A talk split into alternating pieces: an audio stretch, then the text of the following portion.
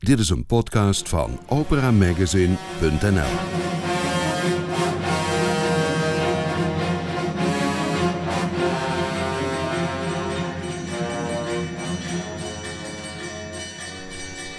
Welkom in Studio Nibelheim. Hier hoort u nieuws, achtergronden en interviews over opera en lied.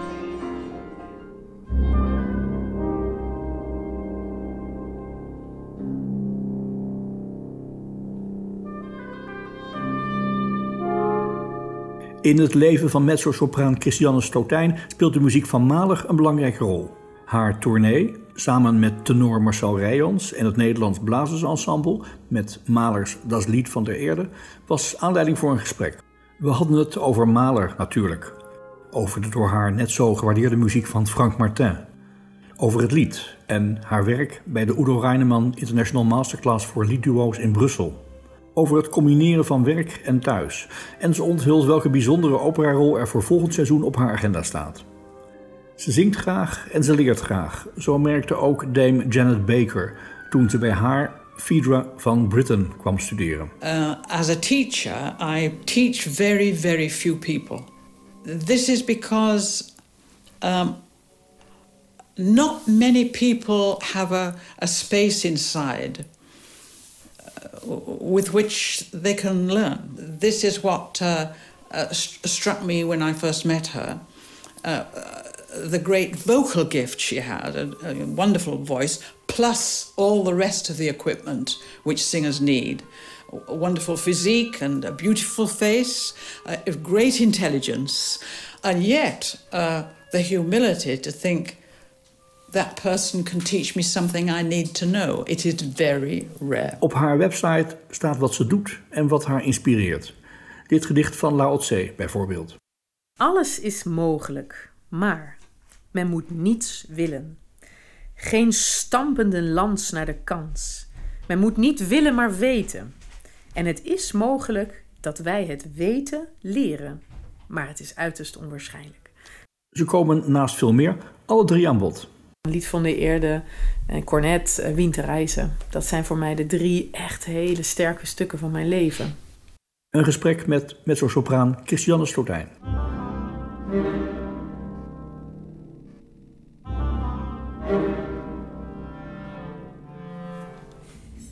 Christiane Stotijn, repetitieperiode voor dat lied van der Eerde. Daarom zijn we hier in Amsterdam, achter de schermen bij de repetities en straks bij de voorpremière. Um, wat voor collega ben jij in het repetitielokaal? Dat is lastig om zelf te beantwoorden. Want ik kan me niet echt invullen hoe ik voor anderen. Uh, hoe ik overkom. Maar ik probeer zo, uh, zoveel mogelijk vanuit het luisteren te reageren. Dus um, in dit geval gaat het echt om kamermuziek, wat ik het liefste doe. Dus met het Nederlands Blazersensemble is er heel veel overleg. Is het soms ook heel vermoeiend. Daarin heb ik meer tijd nodig om in mijn e-, eigen energie te blijven. Maar is ook heel, uh, heel erg een fijne manier van muziek maken, omdat je veel ideeën kan uitwisselen. Je kunt ook heel erg, ik voel heel erg de vrijheid bij dit ensemble ook om mijn eigen uh, voorstellingen duidelijk te maken. En daar wordt heel open op gereageerd. Dus wat ik vooral eigenlijk ervaar is heel erg een wederzijds respect. En dat is natuurlijk een van de fijnste vormen om om, om ehm, ja, vanuit te werken. Dus, dus um, hoe, ik, hoe ik ervaren word als collega. Ik hoop, um, ja, ik, ho ik, ik, ik hoop dat, dat, uh, dat zij hetzelfde ervaren. Dat het een fijne manier is van, van uh, uitwisselen van ideeën. Heb je ruimte voor anderen op zo'n moment? Of moet je heel erg op je eigen werk concentreren? Um, wat bedoel je precies met anderen? Met zeg maar, ruimte voor het hele muzici, ensemble? Uh, Marcel Rijans, jouw collega die ja. de tenorpartij zingt in deze productie? Ja, in deze productie staat het eigenlijk heel erg los van elkaar. Hè? Dus uh, ik verheug me erop juist om het samen te doen. Maar de repetities zijn nu tot nu toe heel erg gescheiden geweest. Omdat hij... Ja, we hebben natuurlijk allebei... We zingen nooit samen. Dus in, wat, dat, wat dat betreft verheug ik me nu ook heel erg om met hem samen dit uh, te gaan doen.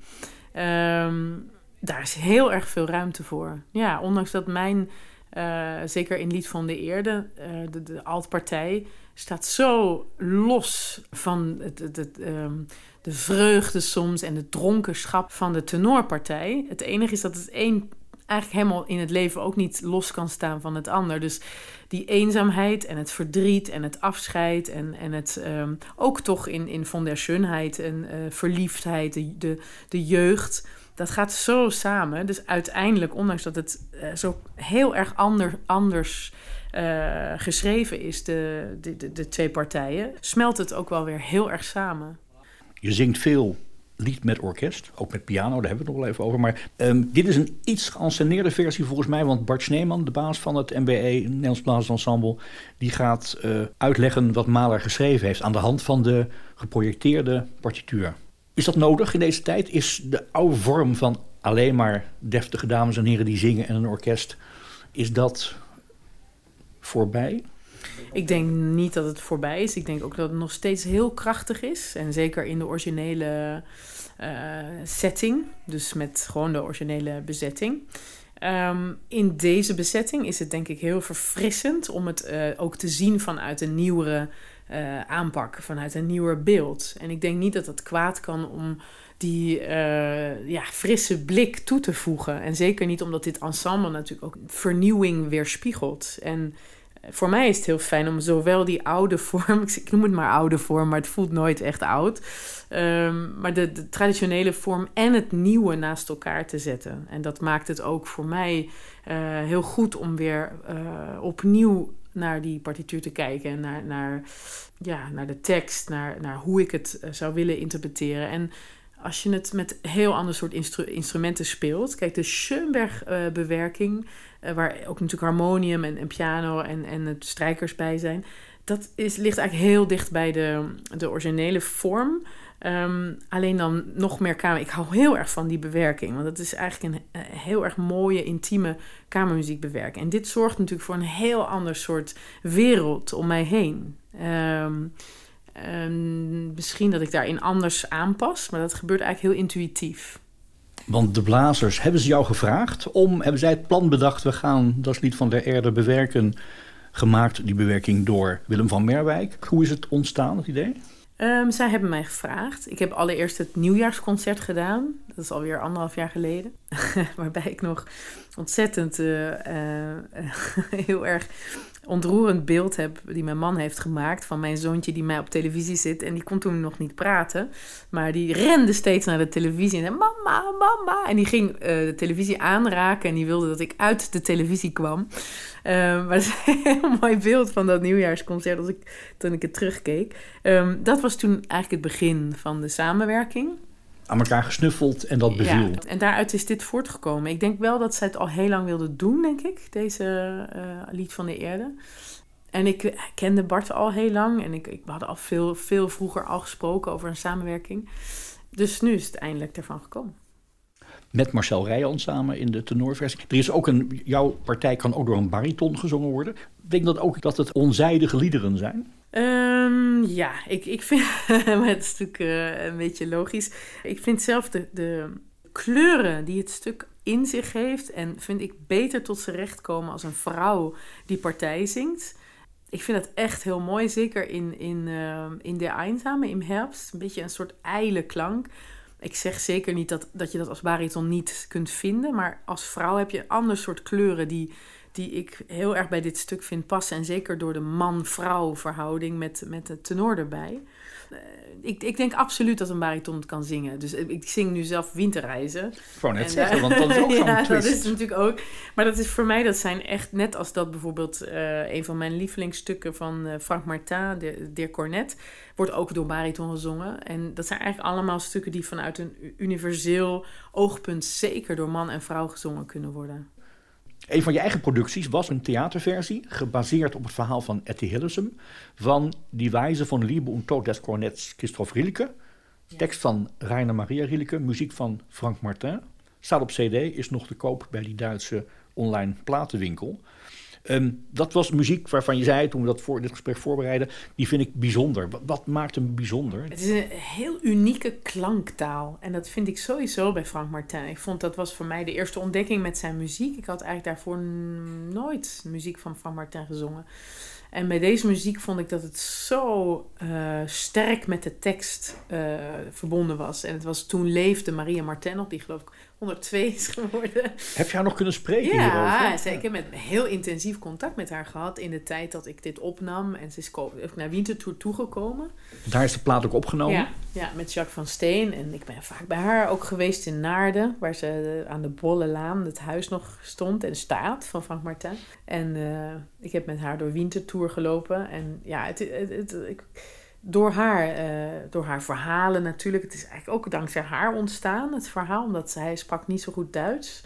En zij, heeft, zij vroeg haar ook steeds, kan je de tekst nog een keer lezen? Kan je de tekst nog een keer lezen? Dus hij heeft zo dusdanig veel de poëzie voorgedragen aan hem... dat ik dat ook voel in de muziek. Het is zo goed geschreven.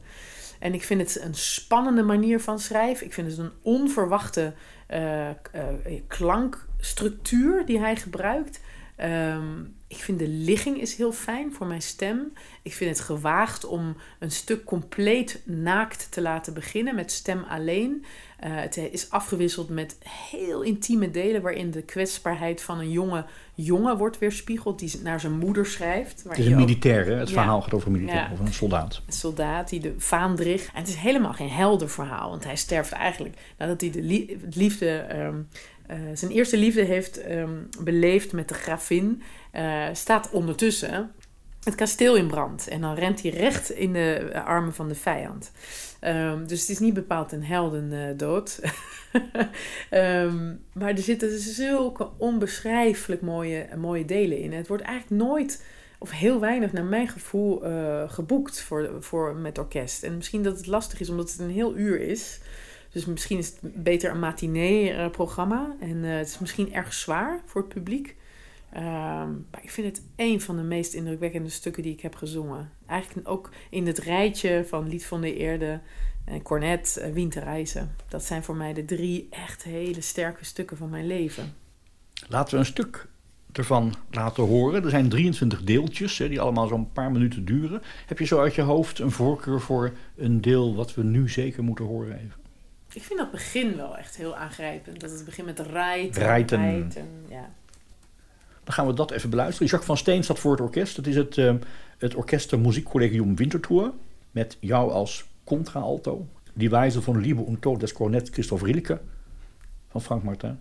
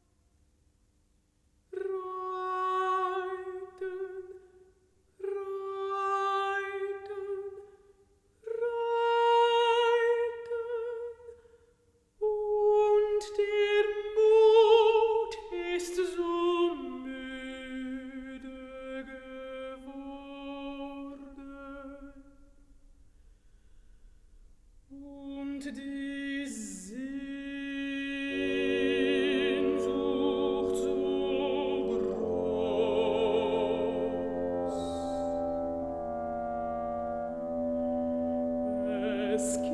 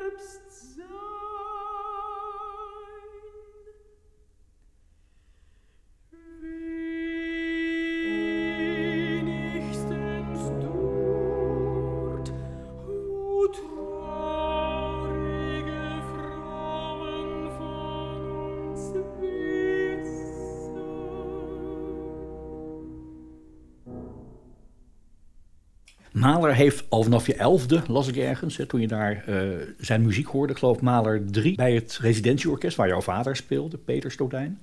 Ehm, in het verhaal stond, daar begon jouw kennismaking met Mahler. En je hebt heel veel Mahler gedaan. Symfonieën, uh, liederencycli. Ik probeer Mahler te snappen als gewoon eenvoudige ziel. Wat weet jij meer van Mahler door al die, zeg maar, van binnenuit eh, doorvoelde en doorleefde interpretaties dan een gewone luisteraar als ik? Wat ik bij Mahler heb ervaren, en dat is grappig genoeg ook eh, bij, dus daarom staan die stukken zo naast elkaar. Voor mij Lied van de Eerde en De Cornet van Frank Martin. Is dat die stukken heel erg vanuit een eh, bijna religieuze ehm, energie geschreven zijn. En religieus bedoel ik me echt heel erg ehm, verbonden met de natuur, verbonden met een wereldbeeld. Het sterven, uh, het, het, het, het, um, de, de dood natuurlijk altijd ontzettend aanwezig in Mahlers muziek. Um, dus ik, ja, voor mij is het geen enkel andere, ook Schubert heel erg zo intens verbonden met de dood. En bij Schubert vaak toch ook in, op een positieve manier, bij Mahler vaak toch um, met een melancholie en het, het verdriet van afscheid. Um, maar het, het gaat heel erg samen met het leven zelf. En dat is um, uh, iets wat je ja, heel erg kunt doorvoelen. Je kunt, ieder, ieder mens heeft, heeft daarin zijn eigen herkenning. Um, en dat voel ik bij Mahler eigenlijk heel sterk. Ontzettende ja, filosofische manier, religieuze toenadering tot iets te willen vertellen, tot zijn klankwereld. Ja. Wat vertelt hij jou over het leven? Um,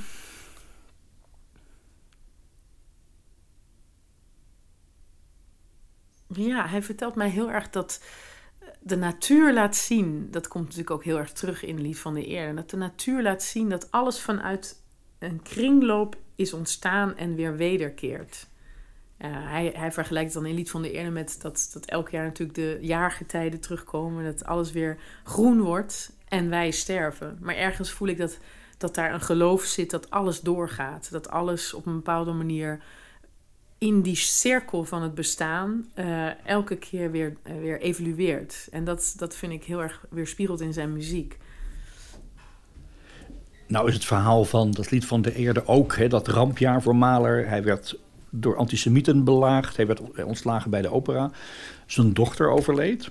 Zo'n overleden kind, je bent zelf moeder. Dat lijkt me, als je daar heel erg over nadenkt, bijna niet te zingen. Uh, gezien je eigen verhaal en je eigen leven. Ik geloof niet dat ik op dit moment... Ik heb vroeger natuurlijk al kindertotenlieder gezongen. Uh, Lied van de Eerde is natuurlijk is, is niet voor mij verbonden aan de dood van een kind. Uh, dat was natuurlijk al eerder in zijn leven. In 1911 hij heeft het Lied van de Eerde niet eens zelf gehoord. Um, dat was natuurlijk het jaar waarin hij ook overleed. Um, maar Kine Totalier zou ik heel erg moeilijk vinden om nu te zingen. Dat moet ik eerlijk toegeven, ja. Vroeger heb ik het wel gezongen, maar dan sta je er eigenlijk veel meer met afstand uh, in. En misschien dat ik het over een paar jaar uh, ook wel weer, wel weer kan zingen. Maar het is zo dusdanig verbonden met dat immense verdriet. Wat voor mij nu ook heel duidelijk is dat er geen groter verdriet bestaat. Dan dat uh, je kind iets overkomt dat snap ik nu meer dan wie dan, dan, dan, dan dat ik vroeger nooit. Je kunt het je voorstellen, maar je weet het eigenlijk pas echt als je zelf een kind hebt. Dat je dat, dat bestaat, daar is geen grotere angst. Dus het, het, het, het bizarre is als je zelf kinderen krijgt, is dat alle angsten die je misschien daarvoor had, eh, wat voor angsten dan ook, die verdwijnen eigenlijk. Er is maar één grote angst, is dat vaak je kind iets overkomt. En dus ik zou dat zeker niet zingen nu, dat moet ik eerlijk toegeven. Maar er zijn zoveel andere mooie dingen van, van Mahler. En ehm, kijk, ik zing ook El König van Schubert. Dat is voor mij veel minder, dat gaat ook over de, de dood van een kind met zijn vader. Maar dat is meer vanuit een sprookje geschreven. En dat, dat kan ik beter zingen dan Kine Totally, waar ook nog het verlies van Rukert, dus de dichter, eh, die ook zijn kinderen verloor. En bij Mahler was het natuurlijk heel erg ehm, verbonden met de dood van zijn eigen kinderen. En Alma Mahler die hem dan ook ver- verweet dat dit dat bijna ehm, een soort noodlot op hem afriep. maar die tekst is ook zo vreselijk eh, heftig dat ik dat zeker niet zou zingen. Jouw broer Rick heeft wel eens gezegd dat jij denkt dat het leven een sprookje is. Oh, echt? Is dat sprookje veranderd door eh, bijvoorbeeld de komst van jouw zoon Boris? Wel, het is eigenlijk nog een veel groter sprookje geworden. Ehm, maar sprookje klinkt vaak heel kinderachtig. Hè? Het is meer, ik denk ik, een soort vorm van verwondering. En dat, is natuurlijk een heel groot cliché, dat je alles opnieuw beleeft. Maar het is ook echt zo. Ik ben echt door mijn kind zijn dingen op een heel andere manier eh, veel sterker geworden. En is het zingen voor mij ook ja, is veel krachtiger. Als ik op een podium sta, ik zing, ik zing veel minder dan, dan vroeger. Dus ik ging vroeger veel sneller en veel vaker op reis. Ik was continu op reis. En dat heeft een ander soort energie. Ik zou dat ook nu bewust niet meer willen. Ik wil er zijn als mijn kind uit school komt en ik zijn blije gezicht zie. Ik wil er zijn als die eh, zoveel mogelijk zijn. Als die eh, ontzettend veel dromen heeft en, en veiligheid zoekt. En ik kan mij niet voorstellen dat ik dan altijd weg zou zijn. Dus ik wil er ook heel bewust zijn. En met hem samen beleef ik eh, zo ongelooflijk veel nieuwe dingen. Ik, ik zie de zee weer voor het eerst. eh, hij ziet zijn eerste regenboog. En eh, we, we verzinnen samen allerlei verhalen. En voor mij is dat ook een manier van het herleven van je eigen jeugd. En dat, als, ja, dat heeft natuurlijk ook invloed op het zingen. Zeker. En die, spanningen, die angsten die op een groot podium staan met zich meebrengen, zijn die, die zeiden net, hè, van die angsten die vallen allemaal weg als, het, als, het, als de grote angst ervoor komt te staan, namelijk je kind en zijn welzijn en veiligheid. Zijn die angsten over optreden ook minder geworden? Of had je ze helemaal niet misschien? Ja, ik was altijd zenuwachtig en dat ben ik nog steeds. maar ik ben wel veel rustiger. Ik denk dat ik meer rust ook zoek in mijn stem. Ehm was vroeger veel meer bezig met eh, te willen uitdrukken. Ehm, veel ambitieuzer op een bepaalde manier. Ik ben nog steeds ambitieus, maar op een andere manier. Ik, eh, ik heb bijvoorbeeld Winterreizen voor het eerst gezongen vorig jaar. En dat, dat hele proces naar Winterreizen toe... Daar was, dat was voor mij echt zo levensvervullend om met die muziek bezig te zijn.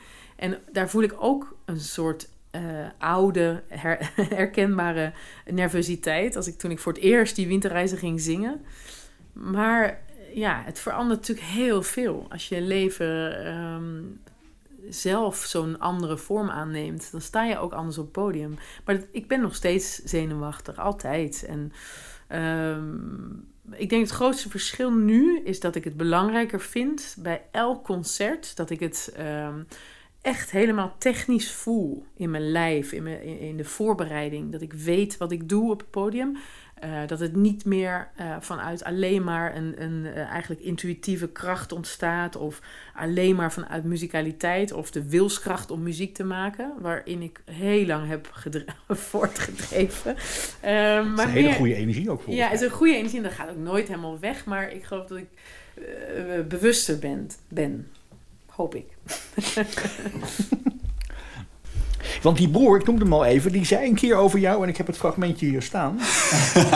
Nee, ik weet niet. Ik denk dat Chris kan, eh, zoals je net al merkte, ehm, een beetje ADHD zijn. fragmenten uit een eh, televisieprogramma waarin jullie samen te zien waren. Wat mij verbaast, ik heb me de laatste dagen ernstig in je verdiept, me heel erg genoten van je muziek. Ehm, maar ik dacht, je bent spiritueel, met natuur bezig, met poëzie bezig, met verstilling, met rust. En tegelijkertijd zegt die broer van je, die je toch vrij goed kent, dat je een ADHD-type bent. Hoe gaat dat samen in de persoon Christian Eh, Stotijn? ja, ik geloof dat hij natuurlijk, hij heeft natuurlijk een heel duidelijk beeld van mij zoals ik vroeger was. Maar ik moet eerlijk toegeven dat er natuurlijk momenten zijn, eh, die zijn vrij oncontroleerbaar. eh, die ook soms terugkomen bij bepaalde mensen. Dus je hebt soms als je een eh, vriend van vroeger weer terugziet, dan terwijl je, je leven compleet is veranderd, ben je weer diezelfde persoon als vroeger. En heb je met diegene heb je die energie. Dat vind ik heel frappant als je sommige mensen van vroeger weer dezelfde grappen voelt en dezelfde humor eh, deelt als vroeger. En met Rick, eh, ja, dat is zo met vroeger verbonden. En ik had vorig jaar toevallig in oktober hadden we allebei een concert in, eh, Trondheim op het festival daar.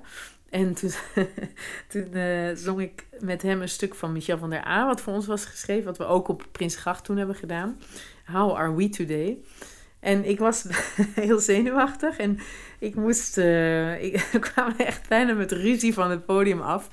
Omdat ik dan in een bepaald soort, ja, hij vindt mij dan heel hysterisch. Maar dat snap ik ook heel goed, omdat ik dan in die energie van dat lied zit. En het is een heel heftig lied. En ik begon veel te vroeg met dat slaan. Ik, moet op zijn, zijn bas eh, slaan. En ik bereidde dat helemaal niet goed voor. Dus ik begon veel te snel. En toen kreeg ik een soort beeld eh, van hoe je echt als broer en zus kunt zijn als je zes of zeven bent. Dat je ontzettend geïrriteerd kunt zijn van elkaar. Jij bent stom. En dat je, ja precies, dat je, ehm, ik was veel te hyper. Dus ik denk, dat soort momenten zijn voor hem waarschijnlijk eh, weer even een herkenning van ADHD-energie. maar in principe ben ik, geloof ik, echt veel rustiger dan vroeger. Opgegroeid in Delft, of eigenlijk iets daarbuiten, in Ja. Scharwoude, zeg ik het nou goed? Nee, het heette Hazeswoude, maar het is eigenlijk dicht, dichter bij Leiden. Ik zat me af te vragen, dat leven wat je leidde, dochter van een orkestmuzikus en lid van een familie, we gaan niet al die stotijnen langs, maar er zijn er nogal wat die allemaal muziek maken, klassieke muziek. Als je terugkijkt, is dat een soort bubbel van hoge cultuur, educatie, van ontwikkeling, van misschien wel elegantie, iets heel anders dan daily life hier in Amsterdam-West?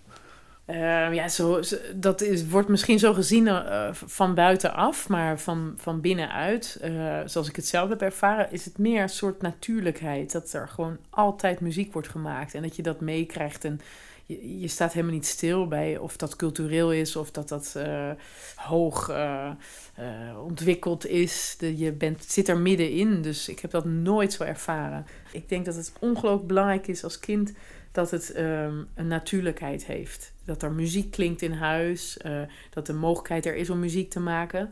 Ehm, wat ik wel heb ervaren, en dat, eh, ja, daar ben ik eigenlijk nu pas heel erg dankbaar voor, ehm, is dat er wel een bepaald soort eis werd gesteld. dat je, ja, als je ergens talent voor toonde, of als je iets echt heel graag wilde, dan dan was het wel voor, bij mij thuis belangrijk dat je echt studeerde. En daar echt iets voor deed. En dat je ehm, dat, het feit dat je dat wilde leren, het betekende, je moet wel studeren. Maar ik snap het nu, nu veel beter. En ook nu ik zelf een, een kind heb. En eh, ik zal het best moeilijk vinden. Ik hoop ontzettend dat muziek in zijn leven eh, een enorme eh, waarde heeft. En, ehm, maar ik, ik zal zeker proberen hem niet te forceren. Alleen ik weet wel dat als hij natuurlijk een instrument kiest wat, wat hij wil spelen, dan zal ik hem ook toch proberen ehm, naar het studeren toe te helpen. Forceren. Gewoon een strenge moeder eigenlijk. Nou ja, het is, ik heb het zelf ook nu, eh, als ik terugkijk, wel ervaren als heel belangrijk. Het is een beetje een stap van kinderen naar leerlingen, maar je bent sinds Udo Reineman jou zijn, eh, zijn masterclasses in Brussel naliet, hè, want hij overleed en jij hebt dat overgenomen, ben je ook aan het opleiden. Dit jaar, in juni, is de volgende auditieronde hè, voor eh, het najaar. Ehm, wat leer jij ze vooral? Wat, wat is jouw kernpunt, misschien wel je stokpaardje als docent van jonge talenten? Ja, dat, het is echt een van de mooiste cadeaus die ik in mijn leven heb gekregen van mijn leraar, Udo. Ik weet nog goed dat hij mij dat vroeg en dat ik echt niet, even niet wist wat ik moest antwoorden. Want het is natuurlijk een heel grote verantwoordelijkheid ook. Maar ik weet ook nog dat hij zei, jij kunt dat. en ik ben het aangegaan. Het is ondertussen ongelooflijk ontwikkeld. En het heeft zich ook verplaatst naar de munt. Ja, en de munt heeft een heel mooi grand foyer. Beetje Jugendstil-achtig. Daar was ik ontzettend blij mee met die samenwerking. Omdat het voor die eh, studenten ook heel belangrijk is om op zo'n plek te kunnen zijn. Ze mogen repetities luisteren in een munt. Ze mogen naar opera's te zitten. Soms zijn ze bezig daar ook. eh, op, ze zitten heel dicht bij het vuur. En het, het is niet meer eh, afgesloten in een conservatoriumkamertje, eh, waar het allemaal toch heel klein was. En Ehm, voor mij ging het niet erom dat het nog groter voor publiek werd, want het blijft heel intiem. Het blijft lied. Het blijft lied, maar wel dat het een, eh, een omarmd iets werd en niet iets achterafs. Ehm, ik bedoel, er komen ook mensen als Anne-Sophie van Otter lesgeven en Barbara Bonnie. En ze willen ook gelukkig allemaal terugkomen. En ik denk ook dat ze ehm, het waarderen dat het eh, niet alleen maar één masterclass is, maar het is echt een. eh, het loopt van oktober tot april en ze komen elke maand eh, terug. En wat, waar ik het meeste, om even op de vraag te antwoorden. Ehm, maar wat mij het belangrijkste is, is hun vertrouwen en communi- communicatie onderling. Dus ik werk heel erg aan wie zij als duo zijn. Dus als, eh, als zij voorkomen, als de duo's komen voorzingen, dat is ook een vereiste. Je kunt niet als zanger alleen eh, voorkomen zingen. Je moet echt een duo zijn met pianist. Dan luister ik naar die communicatie tussen elkaar. En wat voor mij heel interessant is, ik werk nu, ik denk dat het wel bijna 25 jaar, of nee, dat nog niet, maar ik denk bijna 20 jaar geleden is toen ik mijn eigen pianist ontmoette. Jozef Breindl. Ja, dus ik weet echt heel erg. Ik heb zelf meegedaan aan die cursus, maar toen deed mijn leraar het nog. Ehm, ik weet hoe het is om zo te, intiem en intensief te kunnen ontwikkelen als, als duo. Want het is een, een, eh, alsof je eh, ja, in een heel ehm, eh, uitdagend proces zit. Je moet elkaar kunnen uitdagen, vertrouwen, ehm, eh, blijven communiceren zonder al die dingen die je uitdeelt te persoonlijk te nemen. En wat ik interessant vind is als ik in oktober begin met een duo, dat ik echt in april zie dat ze met z'n tweeën iets hebben ontwikkeld. Dus dat ze ehm, durven een eigen interpretatie neer te zetten en durven ook risico's te nemen. En niet alleen maar als pianist eh, heel braaf te begeleiden, maar dat ze ook initiatief nemen, durven solistisch te zijn. Dat het lied helemaal niet betekent dat je minder zingt. Dat je opeens helemaal piano of je helemaal uit je lichaam moet gaan. Dat het alleen maar heel eh, etherisch zingen is. Nee, het omgekeerde. Het is juist heel aards en heel eh, verbonden met alles wat je bent. En dus ook met de pianist met wie je speelt. En dat je durft een, ik, ik vergelijk het altijd, een, een, om, een liggende acht te vormen met elkaar. Dus dat wat jij doet invloed heeft op de pianist. En ik vraag ook heel vaak aan de pianisten, ehm, hoe zou jij willen dat zij nu op dit moment zou klinken? Dus wat voor kleur heb je in je hoofd? En heel veel hebben ze geen enkel idee. Want eh, ik bedoel, ze spelen hun partij, maar, ze hebben geen, maar het is zo van belang dat zij ook beseffen dat wat zij voorbereiden en doen gigantisch invloed heeft op wat er uit, van de zanger komt. En andersom. Weet je wel, als zanger dat je niet alleen maar je eigen partij eh, mee bezig bent en veel te weinig lijnen eh, maakt, maar dat, dat het een spannende dialoog wordt. Dus daar werk ik aan. Vanuit de zaal, als je naar een liedduo kijkt, dan, dan, dan probeer je te snappen waar de chemie en de communicatie zit. Maar het is vaak heel discreet, hè, want de zanger kijkt vaak helemaal niet om. Een snuifje, een ademhaling is vaak al genoeg om iets eh, door te geven. Jij werkt al heel lang met Jozef Breinel. Die eerste keer dat je elkaar treft, als je daarop terugkijkt, bestaat er een soort van, tussen heel veel aanhalingstekens, liefde op het eerste gezicht tussen een solist en de pianobegeleider, de pianist? Eh, bij ons was dat eigenlijk niet zo. We hadden wel meteen een heel uitdagend concert. Ons eerste concert was meteen in de kleine zaal met een heel eh, eh, dramatisch programma met Tchaikovsky, Rachmaninoff, Liszt en Strauss. En, ehm, maar we moesten elkaar heel erg aftasten, want ik was iemand die heel erg extrovert was, misschien nog is. Eh, met heel veel eh, energie. En eh, hij was veel meer introvert. En ik moest mijn weg vinden in dingen niet te persoonlijk nemen.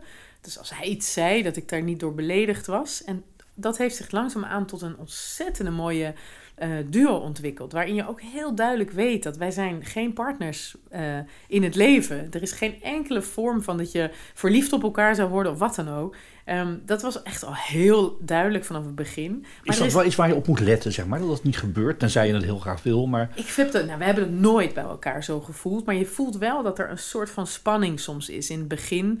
Dat je niet helemaal weet wanneer je iets te persoonlijk neemt. Of als je dingen op een bepaalde. Het is als in een huwelijk. Je kunt dingen op heel veel manieren zeggen en communiceren. En het een is wel kwetsend. En je kunt het, het, het, het, precies hetzelfde zeggen op een andere manier. En het wordt helemaal anders ervaren. En dat is precies zo in een duo. Als je echt intensief werkt, dan ben je gewoon uren bezig. En je reist, bent samen op reis. Ik kan met Jozef wel een boek schrijven over wat we allemaal hebben meegemaakt. En ook gewoon fantastische dingen. Ehm, en dat is echt eh, zo waardevol. Echt. U luistert naar Studio Nibelheim. Je hebt de stichting Orplit opgericht. Ja. Orplit genoemd naar het eiland in de Meurike liederen van Hugo Wolf, geloof ik. Hè? Ja. Zo zit het. Ja. Ehm, je maakt je eigen voorstelling voor kinderen. De Uilenprinses van Orplit. Nee, de uilenpriesteres van Orpliet. Oeps. dat was niet erg. Het had makkelijk een uilenprinses kunnen zijn. Ik heb een fragmentje van eh, die voorstelling De Uilenpriesteres van Orplit. Laat ik het nou goed zeggen. Ehm, keek omhoog. Het leek alsof ik in een donker hol zat. Met maar één luchtgat, waardoor ik net de maan kon zien. Als een oude appel leek te krimpen. Ik hoorde gekraak. Jij! Meekomen, jij!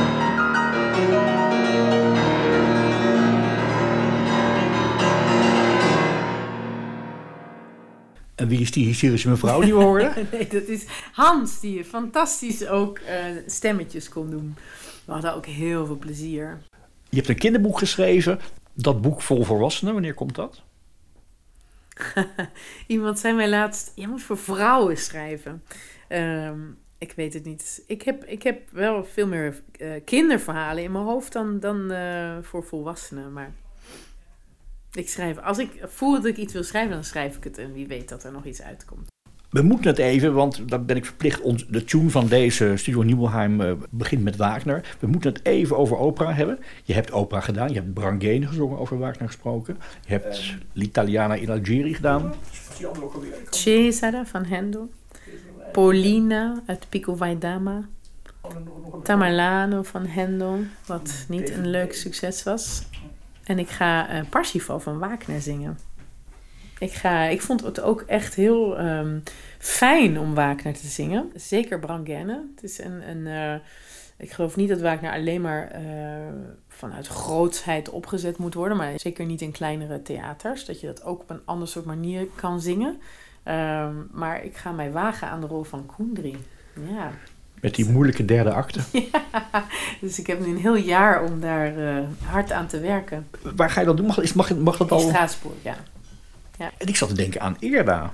Ja, eerder, dat zou ik ook. Ja, dat is meer misschien iets voor iets later. Dat is een iets lagere rol. En ik ben toch meer nu bezig met eh, een beetje hoger repertoire. Voel ik me heel goed in.